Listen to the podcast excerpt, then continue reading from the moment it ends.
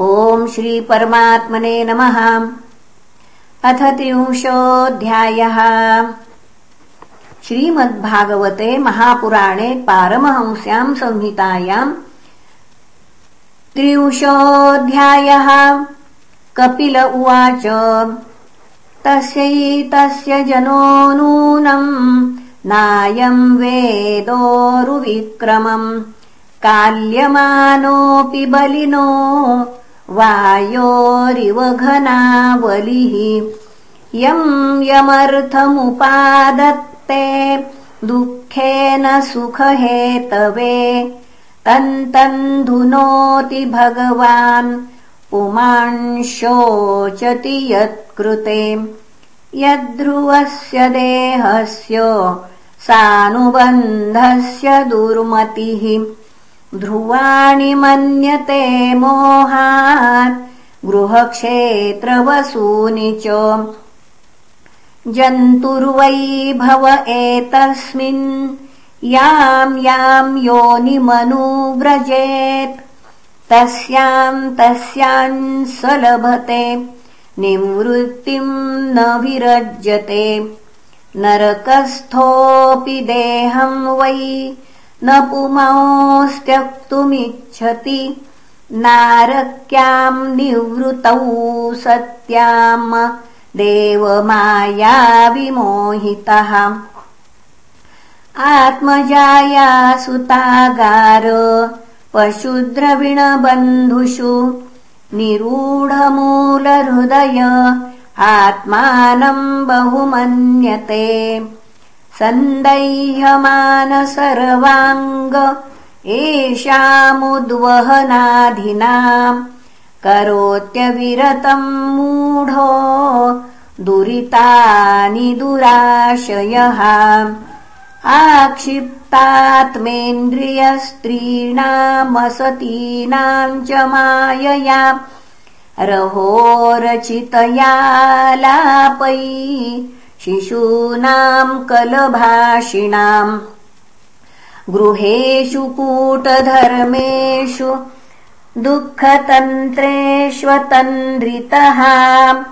कुर्वन् दुःखप्रतीकारम् सुखवन्मन्यते गृही।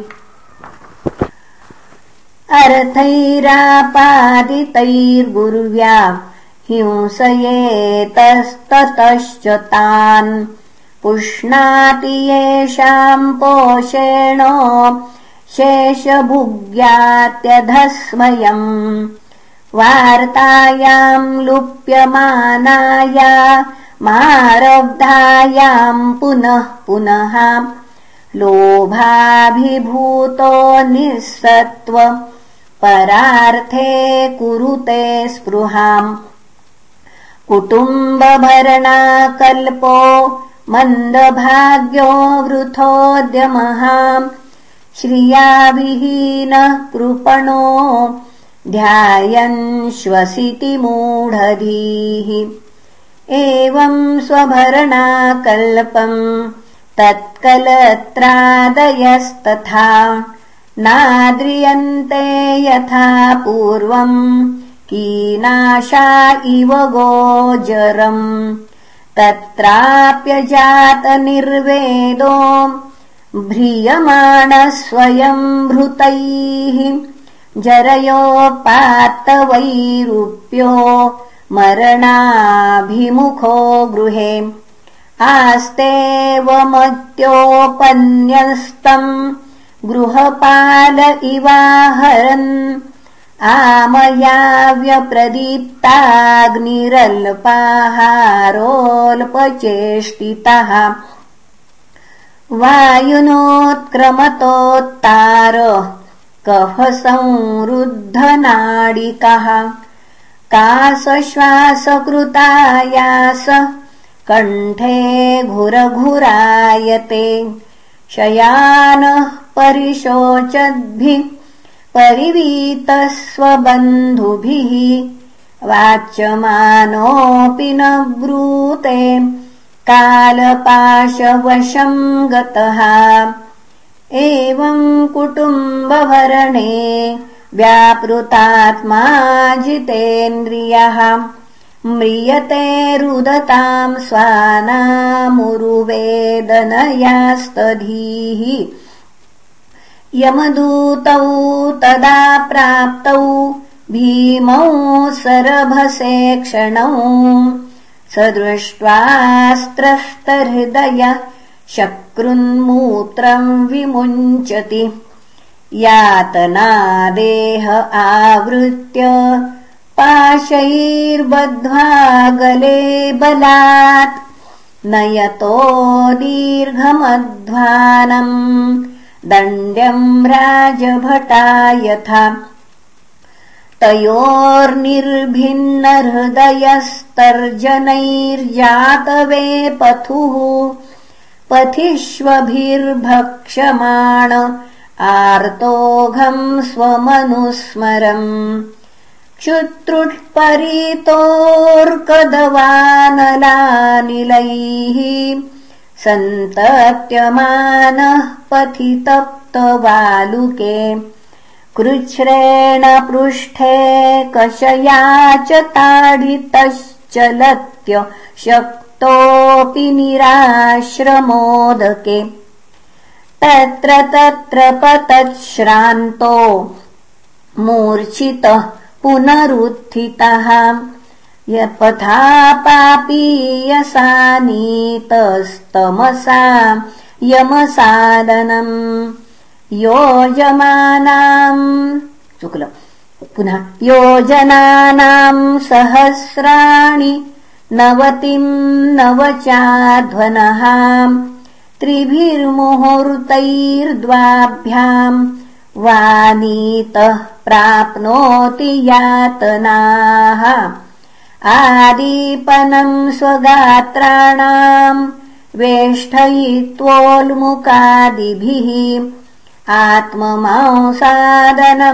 क्वापि स्वकृत्तम् परतोऽपि वा जीवतश्चान्त्राभ्युधाधार श्वगृध्रैर्यमसादने सर्पवृष्टिकदंशाद्यैर्दशभिश्चात्मवैशसम् कृन्तनम् चावयवशो गजादिभ्योऽभिदापनम् पातनम् गिरिशृङ्गेभ्यो रोधनम् चाम्बुगर्तयोः। यास्तामिस्त्रान्दतामिस्रा रौरवाश्चाद्ययातनाः। भुङ्क्ते नरो वा नारी वामिथः सङ्गेन निर्मिताः। अत्रैव नरकस्वर्ग इति मातः प्रचक्षते। या यातना वै नार्यक्यस्ता इहाप्युपलक्षिताः एवम् कुटुम्बम् बिभ्राण उदरम् भर एव वाम् विसृज्येहो भयम् प्रेत्य भुङ्क्ते तत्फलमीदृशम्।